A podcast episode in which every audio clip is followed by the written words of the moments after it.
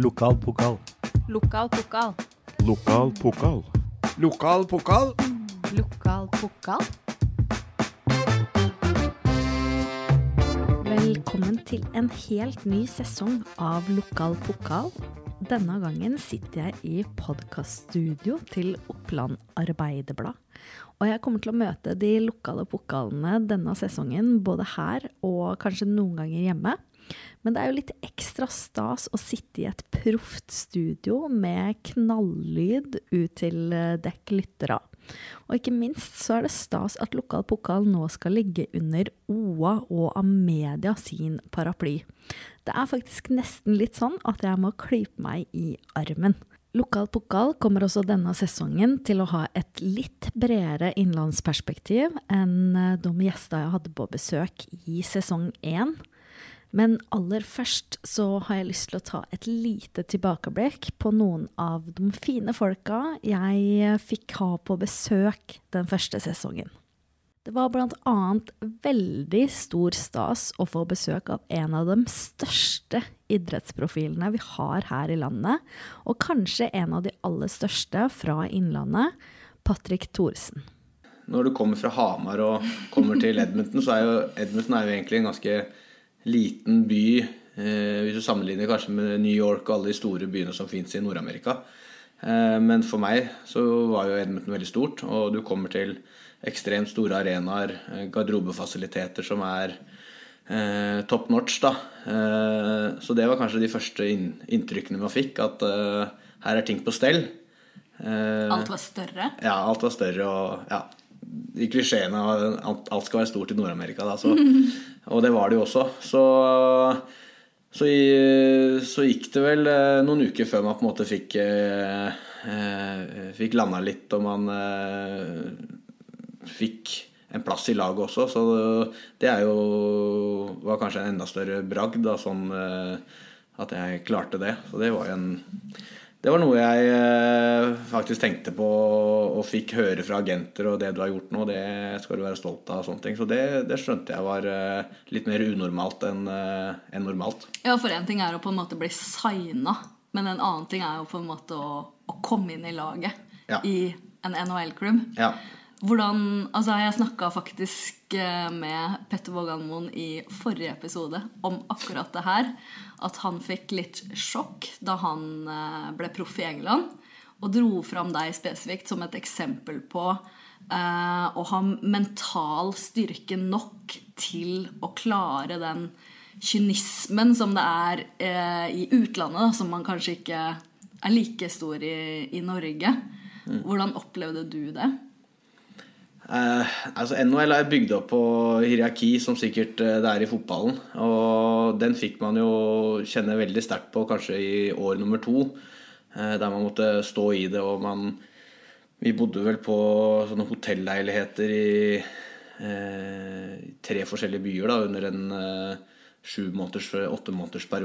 Og med to småbarn på slep så var det veldig utfordrende.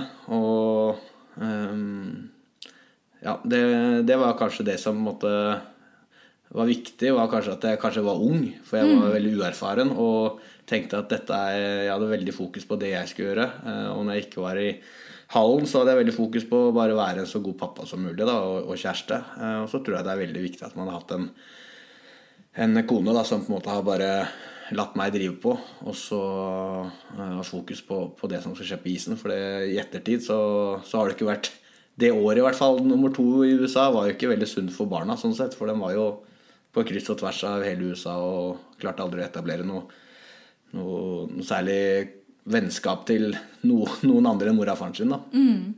Men, men, kjente du på som hockeyspiller på en måte Kjente du at du måtte jobbe med deg sjøl for å på en måte uh, ikke grave deg sjøl ned hvis du ikke fikk spilletid?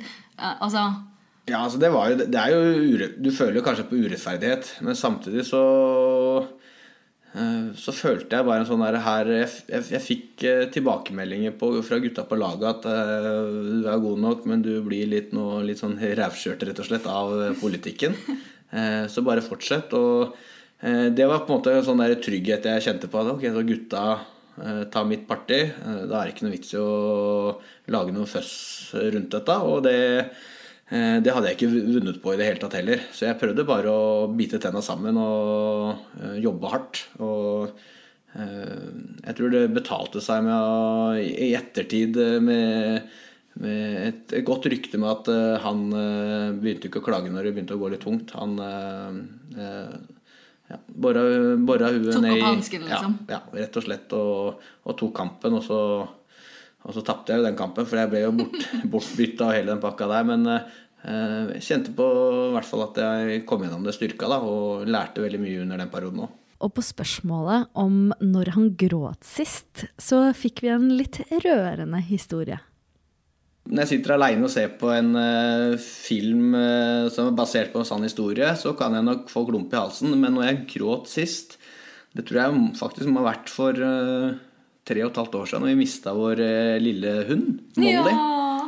Og det var litt trist at vi måtte eh, dra pluggen på henne på, på operasjonsbordet på, på, um, hos veterinæren. Da. Så det, det, da gråt jeg jo faktisk litt. Eh, vanligvis er jeg ikke noe flink til å vise følelser, men jeg tror det var godt for både, både barna å se pappaen sin gråte litt og være litt lei seg. ja, Hvordan reagerte de på det?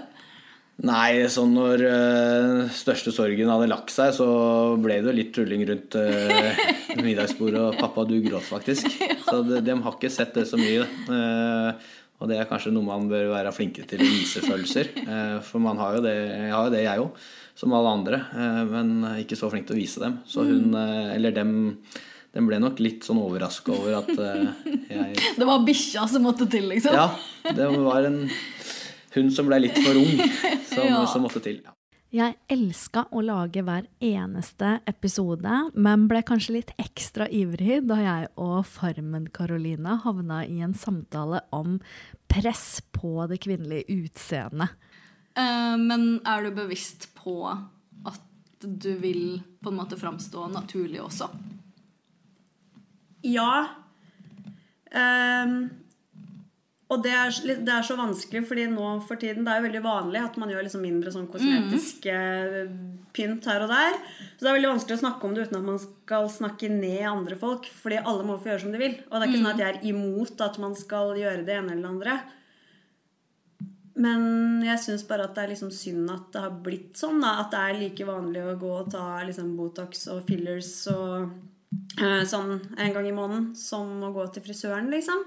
Ja, At det er liksom, jeg lurer på liksom bare hvor langt er det man skal pushe det, da. Og så er det jo også Det er jo en trend som er nå, eller kanskje har vært, da. At man skal liksom være sånn at alle helst skal se ut som et Instagram-filter i ansiktet. Mm. For det er jo det. Alle driver jo og aimer for å ha liksom det samme ansiktsuttrykket. Ja, det og det er jo en trend som er nå. Og så tenker jeg sånn Hva med liksom Hva er det som er trenden om tre år, eller ti år, eller 20 år? Mm. Liksom Tenk sånn litt frem i tid, før man bare kaster seg på Mm. det første og beste. Det er helt sjukt. Ja, og jeg er jo glad for, og det er fælt å si, men at jeg har liksom fått en sønn, da. Mm. Og nå kommer vi jo nesten inn på sånn feminismegreie så jeg Ja. skal styre litt unna, for det er et helt annet og stort tema. Men, eh, men ja, for at det er jo så mye press og mye styr Ja, jeg skjønner hva du mener. Ja. Altså, jeg, altså, jeg og du som er da ca. 35 Mm. eh, Eller i hvert fall jeg kan jo da i min alder kjenne på også at jeg blir sånn Sjøl om jeg egentlig har et standpunkt eh, og en moral hvor Mm. jeg har ikke lyst til å ta Botox, og jeg har sagt sånn Jeg håper at jeg klarer å komme meg gjennom livet uten å føle at jeg må ty til det. ja. Men jeg ser jo at de som er yngre enn meg også, begynner å ta Botox Ja, ja. for å ikke ha en rynke i ansiktet. ja. Og så blir jeg sånn Hva er naturlig aldring, da? Er det naturlig som 50-åring å ikke ha en rynke i ansiktet? Mm. Altså, mennene har jo det. ja. Det Ja, er, det, det, det, Det er tragisk og fascinerende også. Fordi det er sånn Hvorfor er vi liksom så desperate etter liksom ungdommelighet? Og ikke bare ungdommelighet, men liksom barn. Ja, det er jo helt vanlig at man har liksom smilerynker, kommer tidlig, liksom. Det er sånn, det er ikke noe, Hvorfor skal det være negativt?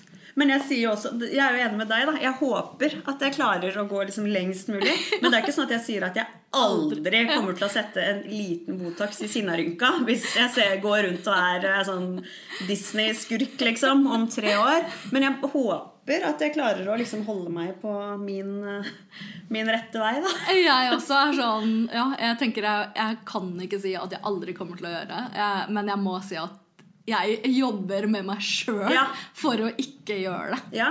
Eh, fordi jeg ønsker jo at vi skal ha en verden som, hvor det er greit å ha rynker.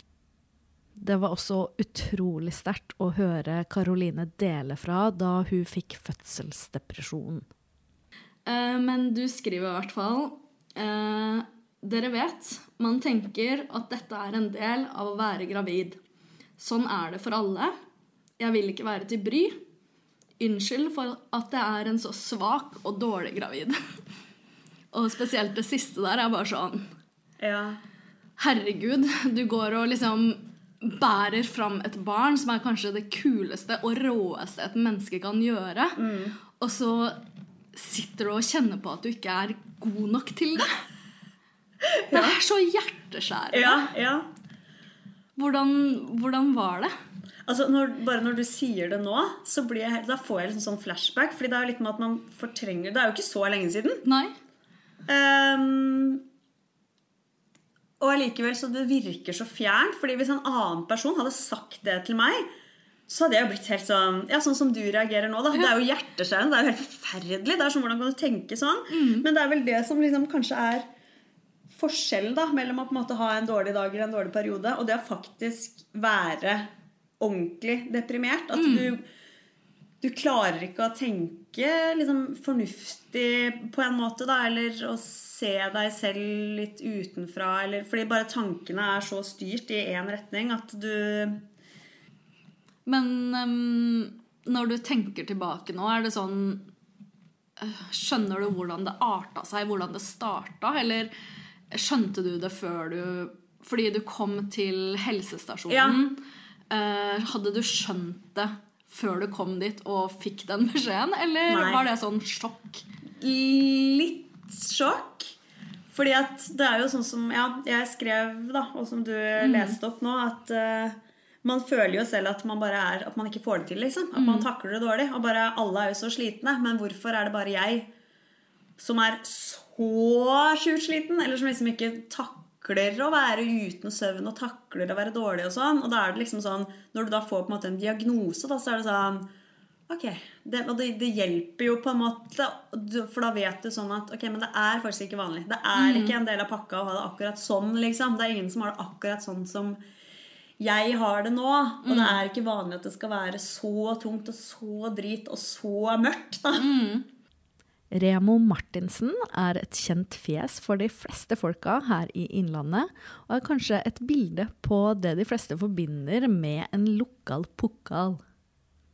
Eh, Du heier mye på andre folk, eh, og du oppretta jo en Facebook-gruppe en gang i tida som het Heia Hamar. Ja, lenge før puben. Ja, og så kalte du eh, baren også Heia Hamar etter hvert. Hvorfor er det så viktig for deg å heie på andre? Eh, jo, fordi jeg er jo så heldig at jeg har, eh, jeg har et rykte som brunsvidd flesk og ikke lenger injurerende kraft. Så for meg så spiller det ingen rolle. Da. Men jeg tenker det er så mange som gjør så mange bra ting, og som kanskje ikke enten ikke vil eller eh, blir lagt merke til. Og så, så får jeg faktisk sånn derre- Det der litt mer snakka om i stad, alle ønsker å bli sett. Altså det At noen heier på deg, da. Eh, og kanskje er det ikke jeg den ønsker, bli heia, den ønsker mest skulle heie på seg, men, men jeg merker jo noen ganger at eh, Oi! At folk får opp øya hvis du Og, og spesielt Hamar, da. Jeg elsker Hamar. Altså sånn der, det er sånn intens kjærlighetsforhold. Det er kun ungene mine på en måte og mutter'n jeg elsker høyere enn enn Hamar. Jeg vet ikke hva det er. Jeg er sånn blitt gammel, kanskje. Ja, men jeg elsker Hamar sjøl, jeg. ja, det, så folk, folk tror det er sånn der- Det er jo litt sånn eh, eh, Hva skal jeg si Litt sånn floskel og sånn patetisk og litt sånn overfladisk. Men jeg er faktisk genuint. Jeg elsker faktisk byen min. Sånn der, og elsker folka i byen min. Og har sett alt som har skjedd siden jeg vokste opp fra 70-tallet ikke sant, og fram til i dag.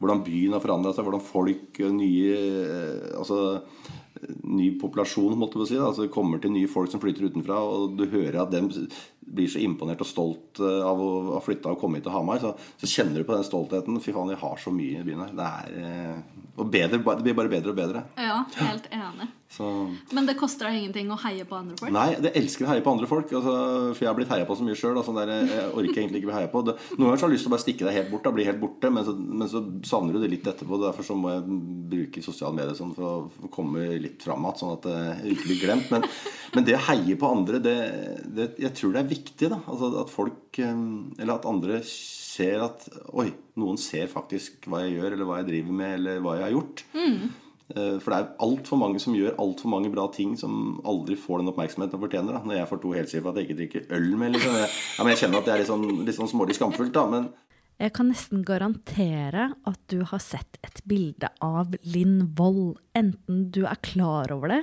eller ikke. Da det plutselig smalt og hun breaka som kunstner, så var hun høygravid. Husker du liksom første utenlandske kjøp? Ja, det måtte vel være de butikkene i eh, Australia. For det var en ganske svær en. Eh, Norsu heter de. De er veldig store på Instagram. Eh, som tok inn bildene. Og da ville jo liksom veldig mange andre butikker i Australia òg ha dem. Men den ville jo ha eksklusiviteten til bildene i et år eller noe. Så jeg satt jo liksom og trøkka da og bare Åh, jeg kunne hatt 20 forhandlere i Australia, men jeg må si nei. Og så er det hva er mest positivt med å holde seg til én, eller vil det være mer positivt å gå for alle, da. Så ja, det er sånn fine line mellom der. Og da, jeg var jo så gira, eh, og jeg var jo så høygravid når det skjedde. så, eh, og jeg hadde alt det her greiene hjemme. Printa hjemme, kutta hjemme, pakka. Og Det var jo så kaos. Og vi hadde jo akkurat flytta i nytt hus, men det var jo bare emballasjer og print overalt. Mellom ny barneseng og jeg bare Og det var så kaos. Og jeg satt om hverandre og gren på gulvet, for det var så mye å gjøre. Og en samboer som prøver å hjelpe til, og så Ja, nå, nå skal vi føde, da. Jeg husker jeg lå på fødestua og sendte mail til noen av forhandlerne mine. bare, ja, sorry, det tar eh, kanskje en uke ekstra før du får printa dine. For det, jeg har født, da, skjønner du. og så man må jo bare gjøre, man kan jo ikke si nei, ikke sant? Man må jo bare ta den sjansen du har. Så ja, nei, det er Ja, det, det kokte greit, da. Men jeg er glad for at jeg ikke stoppa opp, da. Ikke det tror jeg er det som er at vi fortsatt holder på i dag. At vi, ja Jeg hoppa på det toget når det sjansen det gikk, seg, i stedet for å si sånn Ja, nei, nå, nå har jeg mammapermisjon. Jeg er et år. Vi snakkes neste år. Da hadde det vært bånn i bøtta. Hadde jo ikke skjedd noe mer da, ikke sant. Og vi har jo vært en tre ukers tid i Australia òg, med utstillinger og besøke forhandlere og sånn. Det er vel kanskje Er det to år siden? Tre år siden? Ja. Så da fikk vi liksom ta og føle på at jeg faktisk har et navn der nede òg. Det er jo helt Åssen var det? Nei, det er helt virkelighetsfjern for meg. Så kjøre fly i halve kloden, og så bare Ja, der var det en butikk, ja. ja, Ok, utstilling, ja. Å ja, du skal ha autograf? Ja, nei, men det er hyggelig. Så nei da. Det er veldig gøy, da. Ja. En av de episodene jeg har kosa meg aller mest med å lage, var den med Kristoffer Kumar. Det er en fyr kanskje ikke alle i regionen vet hvem er. Han er videojournalist i VGTV og har bl.a. laga Tinder-svindleren. Noe som var veldig spennende å høre om. Hvordan var det øyeblikket da du fikk den forespørselen om at eh, du skulle være med i, eh, i en eh, film på Netflix og Nei. fortelle historien? Det er veldig skummelt, så jeg gikk jo rundt aleine i gatene i Oslo og snakka på engelsk eh, og prøvde å liksom forberede meg på hvordan eh, jeg ikke skulle høres stotrende og dum ut når jeg fortalte, egentlig. Så jeg gikk rundt mye og trente på å prøve å si ting. Og så er det jo litt sånn når man eh, med, med film og TV og sånn at det føltes egentlig ikke ekte før de første trailerne kom og når filmen ble tilgjengelig, på en måte. Og det var en god stund mellom opptakene og det. Så det var først når det kom i februar at det begynte å føles uh, Wow, dette er faktisk noe sjuke greier, liksom. da Ja. Og så har du vært med på Dr. Phil. Ja, og det er kanskje det rareste stedet denne reisen har eh, tatt oss. da Vi, eh, I den påfølgende liksom, tida etter den dokumentaren så har vi jo vært liksom rundt omkring litt sånn Vi, fikk, ja, vi var på God morgen Norge med vår Staude, som selvfølgelig er utrolig stas. Og vi vi prater, med, prater for journaliststudenter i Chile og liksom gjør mye sånne ting på Zoom og sånn. Men uh, den henvendelsen fra Dr. Phil, som egentlig på en måte kom en fredag ettermiddag og ble gjennomført en mandag kveld, var på en måte det aller rareste og mest stas, da. I tillegg var det rørende å høre på Kumar som skildra sine favorittsteder i regionen. For ikke å snakke om hvordan han fant hedmarkskulturen på en bar i Oslo, som har inspirert han til å lage store karaokeshow. Um, jeg pleide før korona å ha noen sånne bursdager som um, hvor jeg inviterte uh, gjengen på Hamar, men også litt kolleger fra Oslo og venner som ikke bor her. Og da pleier liksom uh, faren og mora mi å grille med liksom partytelt i hagen. Og så pleier faren min å servere sånn med taxa gresk sprit, så folk blir skikkelig gira. Og så har jeg hatt en sånn Og jeg liker at faren din gjør det. ja, det. Og, og når, når, han som på en måte eier huset og lager maten, serverer, så er det ingen som tør å si nei. ikke sant? Så pleier jeg å ha en sånn, et rebusløp hvor turen da går fra huset på Aier og så ned til Første stopp var liksom Blåkiosken. Der har det jo vært mye ymse liksom, typer. Så der hadde jeg blindsmak av brennevin. Hva smaker brennevin? Lagkonkurranse. Og så utenfor La Perla, som jo også er en hjørnesteinsbedrift på Las Megas, eh, der hadde jeg konkurranse med tautrekking. Og der eh, kunne vi på en måte også se ned til eh, blokka i leiligheten der jeg bodde de første ti åra av livet mitt. Og så gikk vi liksom videre ned til uh, Pucken kiosk og grill, Rest in Peace, ja. hvor, da, hvor, man da liksom ikke hadde den derre um, barneleken Sett halen på grisen med bind for øynene med å snurre rundt, men sett barten på Khan, eller på et bilde av Khan, som var innehaver av denne kiosken. da Før liksom gjengen Og da ble det også fortalt mye gode historier og sånn. Før vi liksom går ned til Veidekke som eh, en slags sånn siste destinasjon, hvor, som liksom var den derre eh, litt geriljabygde skateparken eh, bak jernbanelinja, eh, bak det liksom gamle der det en gang var en Rema 1000, og der de lagde Hykkel Kokos og sånn, som var et slags fristed for oss på slutten av barneskolen og gjennom ungdomsårene, hvor vi eh, møtte de gutta som skata som vi så opp til. Hvor eh, vi kunne henge for oss sjøl uten at foreldra våre blanda eh, seg inn. Hvor jeg filma skating for første gang, og som var et sånt viktig sted. Og eh, sist da vi, ja, da vi, var der, så var det også en fra Elverum som hadde med seg hjemmebrent. Og hvor en av gutta tente på hjemmebrent i munnen og begynte å blåse flammer. da Som var veldig, veldig gøy. Og, og da har de siste årene også da til slutt endedestinasjonen vært eh, et sånt skikkelig favorittsted eh, som heter Ballroom, eller Kjelleren til Lu, eller Kjelleren Ott av Lu, som jeg pleier å kalle det. Det er et utested i en eh, kjeller i gågata på Hamar som drives av en 60 år gammel diskjockey fra Løten som heter Lu. Hun kommer fra Sverige, da. Og der serverer de toast, sigaretter og tropiske drinker og har karaoke hver dag.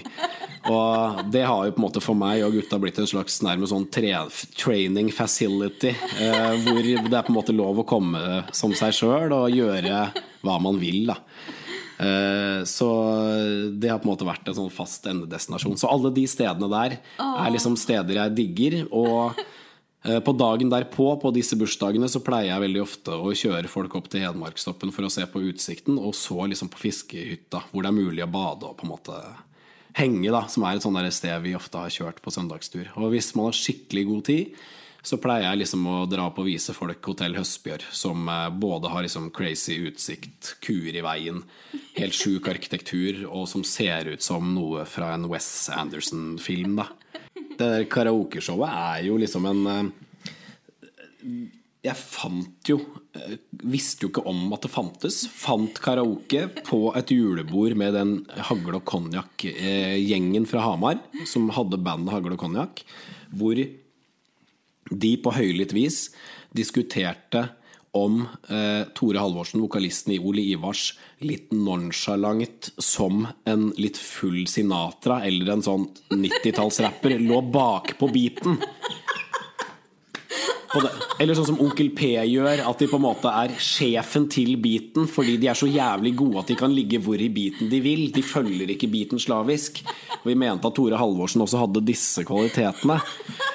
Og så ble det en stor diskusjon, og så var det noen som googla liksom, karaoke 1881, og da fant vi liksom en karaokebar. Hadde aldri vært på det før. Og Der var det en eh, DJ som var fra Hedmarken. De hadde to trådløse mikker. Og liksom stående publikum, kaffe og Baileys på bar i Oslo, liksom. Og da kunne vi liksom ta med oss 'Jag trodde englerna fanns' i liksom allsang på grensenaktig stemning. Med liksom den vorspiel-kulturen vi kommer fra på Hamar, og ta den med ut på byen i Oslo. Og det ble bare en sånn forelskelse som jeg på en måte bare har fortsatt med til nå. da Og vi har jo vokst opp med å på en måte synge Vazelina Bilopphøggers låter i kor, dyrke Ole Ivars, liksom. Og når vi da f.eks. på fredag liksom på Salta Jeg starter alltid liksom de karaokeshowene i rosa dress med å synge 'Jag trodde Englerne fanns', som er en kjærlighetslåt av et 50 år gammelt danseband fra Hamar. Og når jeg på en måte føler at jeg klarer å lure 300 hipstere i Oslo til å synge dansebandlåter fra Hamar, da ler jeg bare så jævlig godt og tenker I fucking made vi it! fikk, vi fikk det til denne gangen også, liksom. da Storhamar håndballs Camilla Sundmoen var på besøk og fortalte bl.a. om hvordan kvinnelige idrettsutøvere må forholde seg til graviditet, og at hun sjøl måtte gå igjennom en abort i offentligheten. Jeg husker liksom Det å bli gravid når du er håndballspiller, er, eh, det er litt vondt. Eh, fordi at man vet at man blir ute i ni måneder. Eh, kanskje, eller mer òg, for du skal jo være gravid, og så skal du føde, og så skal du komme tilbake. Så det er liksom det å si det til en klubb at nå, nå ble jeg borte et år, den er ganske tøff. Og så mm, vet jeg at det, er, det gir jo bare masse glede å være det eh, gravid og få barn. Det er jo ingenting som er større. Men det er litt sånn her, til man får sagt det, og liksom liksom det blir offentlig, og hvordan reagerer de ulike, så er det litt sånn ja, Hva skal man si? Ja? Eh, litt ubehagelig. Men den beslutningen å liksom eh, tenke at man skal bli gravid nå, da, hvis du skjønner. Altså, så, som toppidrettsutøver så veit du at det betyr da x antall måneder uten å gjøre det man brenner for, på en måte. Ja. Hvordan var det steget? Nei, altså alle mm, eh, Når man skal bli gravid første gangen Jeg synes det er veldig forskjell på én og to, f.eks. For Mm. eh, fordi én, man vet ikke om man kan bli gravid. Det er det første. For det andre så eh, kan det ta tid. Så, så jeg tror man liksom i livet så bare bestemmer seg for at nå, nå, er, nå kan det godt skje. Og så tenker man som håndballspiller at eh, man lever videre, og så plutselig skjer det, og så blir det sånn Hæ? Eh, men men eh, vi vet jo alle hvordan det fungerer. Det er ikke sånn. Men man er liksom så ute i, i den fasen med å få barn. Fordi noen kan drive på et år, noen kan få det med en gang. Og så passer det aldri. Det passer aldri eh, når du er håndballspiller. Eh, og det er, eh, det er utfordrende. Eh, men samtidig er det aldri, aldri noe problem. Fordi alle vet at dette er det største som er. Og altså, som kvinnelig toppidrettsutøver så må man jo på en måte ta stilling til det her på en helt annen måte enn det mannlige toppidrettsutøvere eh, må gjøre. Um, og så må man gjerne også liksom ha det ute i offentligheten, for man må jo fortelle eh, klubben sin at man, skal, man er gravid, og man må fortelle trenerne sine, og eh, media vil gjerne vite hvorfor du plutselig Ja, da. ikke trener eller spiller kamp. Um, hvordan er det uh, å ha det over seg, egentlig? Sånn Nei, jeg har jo virkelig fått smak på det. Ja. Fordi jeg eh, hadde jo en, eh, en Jeg mista jo i uke seks eller åtte. Og jeg tenkte når jeg Førstemann gikk jo helt fint, men da fortalte jeg ikke før det var gått eh, tolv uker, da, som er liksom regelen. Og så tenkte jeg på andremann åh, nå er jeg dårlig, jeg er kvalm, jeg bidrar ikke noe til laget. Jeg kan bare si det. Med en gang så bare få det ut og bli ferdig med det, tenkte jeg. Da var jeg ja, det var åtte uker til. Og så mistet jeg da rett etterpå. Og så jeg, kom jeg ut da liksom etter at vi mista barna, og så tenkte jeg fy faen, jeg må si det til HA òg! var liksom min første tanke. da. Og det syns jeg var skikkelig ubehagelig, fordi jeg hadde Først skulle jeg liksom takle det å miste sjøl, Ja. og så skulle jeg liksom måtte fortelle det til verden sånn med en gang at jeg skulle ut. Og det kjentes bare som at eh, Hvorfor, hvorfor gjorde jeg det? Hvorfor? Hvorfor? Um, men gjort var gjort. Og For det er jo også si liksom veldig personlig. Det er veldig privat. Ja. Veldig privat. Og så tenkte jeg bare sånn Men du, når du har gjort det, så må du stå i det. Ja. Og så tenkte jeg sånn Så gikk jeg jo ut med det, og så ble det tatt opp i VG, og så ble det ditt og datt. For det er jo ingen som snakker om det. Nei, ikke sant? Ehm, og da husker jeg opplevelsen ble egentlig ganske fin. Jeg fikk masse meldinger fra andre damer som hadde lest saken på VG og liksom syntes det var godt å vite at det var flere, så ikke den liksom følte seg så alene. da. Og så tenkte jeg liksom Ja, det er jo Det er så privat da, at ingen snakker om det. Ikke sant? At ehm, det blir liksom vondt for noen å være alene. Så det ga meg egentlig en opplevelse at ja, det var dumt å si det for tidlig. Samtidig så er det sånn det er. eh, og jeg er. At jeg tenkte at det ga meg noen bra erfaringer. da. Mm. Og førte liksom at jeg hjalp noen andre som var alene med samme tanker der ute. Ja, det er veldig bra. Ja, det er fint. Og så Jeg vet ikke om jeg hadde gjort det igjen, men det Jeg tenker sånn Du må uansett forklare at du blir borte etterpå. Ja. Og så det å ljuge om skader og sånn, jeg er så dårlig på det. Jeg er, så, jeg er liksom litt for ærlig på alt. Eh, så jeg tenkte at det hadde også blitt et problem. Bare, det hadde begynt å, det verste jeg vet, er sånne rykter. ja. Da er det mye bedre å bare Ok, sånn er det. Og så fikk jeg masse støtte istedenfor at folk bare Ja, har du skade? Har du ditt? Har du datt? Det orka jeg i hvert fall ikke. Så jeg føler at mens man er ærlig og sier det ut, så får man i hvert fall ikke masse spørsmål og sånn etterpå. Man får egentlig bare sånn støtte. Men hvordan var det å på en måte øh, faktisk gjennomgå en uh, spontanabort, og så samtidig som du på en måte bearbeider det for deg sjøl, vite at alle andre også skulle på en måte vite det? Nei, det var, det var spesielt. Jeg følte at det ville bare være alene og i fred med det. At det var, det var meg og mitt. Eh, men jeg synes det, det var egentlig ganske godt når jeg kom tilbake på banen igjen. liksom. Eh, da syns jeg jo at det, det var det greit at alle visste. Da var det greit at de ikke forventa at jeg skulle være supergod med en gang. Eller, det var bare godt at folk visste, så de ikke forventa mer enn jeg kunne takle der og da. Og at det kanskje hvis jeg hadde grått eller vært utafor og man så det veldig godt, at de visste hvorfor. Truls Pedersen var kanskje Innlandets første reality-kjendis da han var med på Robinson-ekspedisjonen, men er likevel langt fra høy på seg sjøl. Jeg er helt vanlig fyr. Jo, men det er sånne greier så Det har tatt meg siden, siden jeg var i, på TV. da Ja, ikke Møtte mye folk. Da fikk man plutselig en sånn rolle om at uh, du var kul fordi du hadde vært på TV. Mm. Og det har jeg slitt med siden dag én. Og vi har vært på sånne der, eh, Enten det har vært Gullruten eller det har vært noe sånne ting. Folk opp, noen da oppfører seg som idioter Mm. fordi de har fått den rollen. Og tenker liksom Å, nå kan jeg Og det er, jeg syns det er skikkelig, skikkelig dust.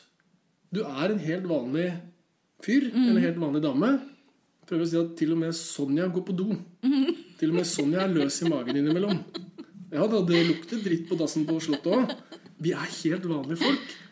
Så du blir sånn opphøyd fordi man har vært på TV. Det syns ikke jeg noe om, da. Eh, så jeg tenker at vær helt vanlig. Vær ålreit. Litt sånn kardemommelov, da. Det, det, det skulle vært en sånn gjengs lov i hele verden. Jeg er helt enig. For da er eh, Hvis du er ålreit, så blir du ålreit. Men alle kan jo også ha dårlige dager. Ja, ja. Så, men jeg bare føler ikke at noen møter deg på en dårlig dag, hvis du skjønner. Altså, eller om du viser det, eller Det er vanskelig å bli sur når du møter deg òg. Du smiler jo konstant, du òg. Du har jo sikkert dårlige dager, du òg, men de gangene jeg har møtt deg, eksempel, Ja. så smiler du jo. Ja. Da har ikke jeg noen grunn til å være sur. Jeg har ikke det. Og det er litt sånn hvis du blir møtt med noe dritt, så ja, ja, da tar det litt tid da Mm. før du kommer deg opp igjen. Men hvis du blir møtt med et smil, og, så tenker jeg at da er sjansen for at det, den situasjonen blir bra, Mm. eh, den er mye større. Og jeg har ikke lyst til å legge opp til å være i en dårlig situasjon. Så jeg prøver å være positiv. Ja. Jeg gjør det, altså. Tror du kona di syns at du er en positiv fyr? Ja. Ja. Ja, jeg tror det. Uh, ja, vi, nå har vi vært gift i noen år, så hun har opplevd alle sidene ved meg. Eh, men eh, jo, vi er positive. Vi, jo, jeg er Ja. Jo. Jeg er det. Ja, det er du ble litt oppgitt over det gangene rett før koronaen. Da liksom var eh, på Jeg, jeg klemmer jo alle, da. Ja. Om du er fire år eller 94, så syns jeg det er godt med en klem. Det kan jo bli litt mye for hun kanskje innimellom. Du prater med alle. Ja, gjør jo det. Jeg syns det er hyggelig, da. Petter Vågan Moen er en av de største egenproduserte spillerne HamKam har hatt. Bedre kjent som Mjøsas Beckham forteller han om profflivet i England, som ikke ble helt som han hadde håpa. Uh, du ble henta til England. Uh, til QPR. Hvordan var det? Eh, det var litt sånn eh, surrealistisk, egentlig. Eh, for det var eh, det, er en annen verden. Det, det er en mye mer kynisk verden enn den du er vant med. Eh, her er alle så å si hyggelige og får et klapp eh, på skuldra for alt. Der er det ingenting. Der er det 'survival of the fittest'. Så det var eh, veldig lærerikt, men brutalt. Og jeg var ikke, var ikke helt forberedt på det. Jeg var ikke, var ikke sterk nok mentalt til å, til å takle den overgangen. Eh, Så Hvordan var hverdagen der, liksom, da du kom dit? ja, den var egentlig veldig fin. Da kom jo alle spillere bort, og det var, og da, for da gikk det veldig bra på trening også. Altså, det var Jeg var eh, ble valgt først når vi skulle velge lag på trening, og det var, eh, det var stas, da. Eh, Og så dabba det av. eh, Jo mindre spilletid jeg fikk, jo mindre selvtillit, selvtillit fikk jeg. Og da leverer man jo deretter. Og på det nivået der så kan man ikke senke seg mange prosent før det blir eh, ja, øh, ja spist. Så det var fra å bli valgt først til å bli valgt sist på tre måneder, og det var brutalt, det, altså. Å, fy fader. Petter kom også hjem til HamKam for å avslutte karrieren hos moderklubben, men det ble alt annet enn det han hadde sett for seg. Og her må jeg bare presisere at ingen fra HamKam var til stede for å forklare seg. Ja, for da du kom, så hadde du en femårskontrakt. Eh, og så ble den etter hvert, etter tre år vel, uh, terminert. Um, og hele den saken um, opplevdes utad som veldig vanskelig. Um, og verken du eller HamKam eller vi hamarsingene uh, som heier på både deg og HamKam, fikk den eventyravslutninga på fotballkarrieren din som vi alle hadde ønska oss. da. Um, hvordan, hvordan opplevde du det hele? Jeg opplevde det ganske brutalt. Det var eh, Jeg vet ikke hva som skjedde, men eh, jeg, ble jo helt fryst ut eh, egentlig fra starten av, på en måte. Så eh, Ja. Jeg syns det der er, var en veldig vond avslutning på en fin karriere. Så, Det var ikke sånn det skulle bli. Nei, ikke i det hele tatt. Så det var ikke noe ålreit, det, det som skjedde der. Og det Og jeg ble jo oppriktig Altså, da jeg utenifra så eh, noe av det som utspilte seg i media, så kjente jeg jo at jeg ble oppriktig lei meg. Eh, både på dine og HamKam sine vegne, fordi du er en av de største profilene HamKam har hatt. Eh, du ble solgt til HamKam eh, til Brann for 10 millioner kroner, og du kom hjem igjen. Sp- altså gikk fra Eliteserien til å skulle spille andredivisjon for å avslutte karrieren på en fin måte i moderklubben, og så ender det sånn. Det, det må ha vært vondt også sånn personlig, eller klarte du å på en måte bare tenke at dette er fotball? Nei, det var, det, det var ikke noe ålreit i det hele tatt. Eh, Så hva som har skjedd der, det vet jeg ikke. Og hvem som har ansvaret for det, det vet jeg heller ikke. Eh, Men det var ikke noe ålreit eh, ålreit gjort. Og det Det, det, det, det føles helt merkelig for folk som, som sitter og ser det her utenfra. Tror jeg ikke skjønner noen ting, Nei. rett og slett. Nei. Nei, det skjønner jeg godt. Så det, det ble ikke skrevet så mye om det heller. Så jeg vet ikke hva som skjedde. Men karrieren din ble i hvert fall avslutta på en måte som du ikke hadde tenkt. Ja ja, det er uten tvil. Det er uh... Har du vært på Briskeby i år, da? Nei, jeg har ikke vært på Briskeby etter at jeg ga meg.